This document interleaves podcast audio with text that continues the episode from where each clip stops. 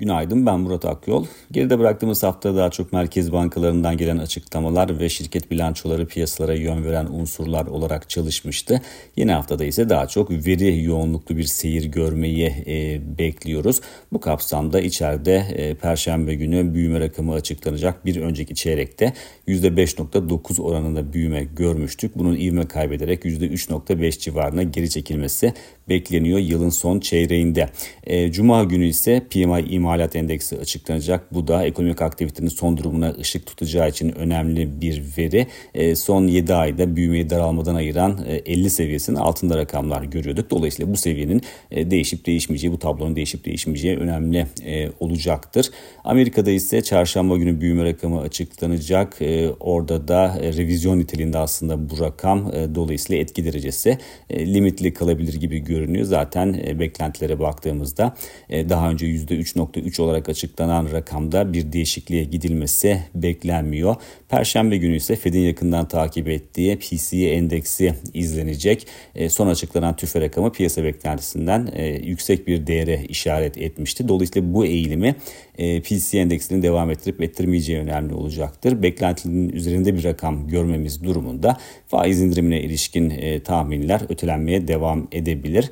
E, aynı zamanda e, Cuma günü Amerika'da ISM imalat endeksi de açıklanacak ki bu verinin de e, borsalarla korelasyonu aslında oldukça yüksek. E, Dolar TL kuruna baktığımızda geçen hafta Merkez Bankası PPK toplantısında e, faiz oranlarında herhangi bir değişiklik yapmamış ve %45 seviyesinde bırakmıştı politika faizini. E, Dolar TL kurunda ise yukarı yönlü eğilimin devam ettiğini gördük ki ayın başından bu yana baktığımızda kurdaki yükseliş %2.5 seviyesine ulaşmış durumda. E, Merkez Bankası geçen hafta yaptığı açıklamada e, TL'deki reel değerlenmeye vurgu yapmıştı. Dolayısıyla bu ifade aslında e, kurlarda enflasyonun üzerinde bir e, yükseliş gerçekleşme olasılığının da düşük olduğuna işaret ediyor. E, Borsa İstanbul'a dönersek Borsa İstanbul e, 8 haftadır arka arkaya değer kazanıyor ve e, bu süre zarfında %25'lik değer kazanımına ulaşmış durumda.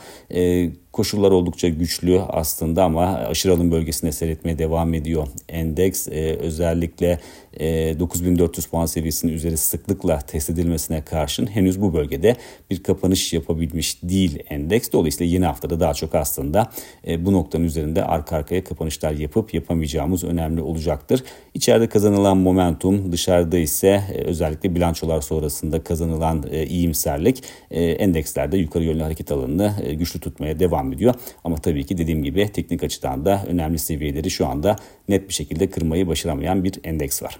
Bir sonraki podcast'te görüşmek üzere.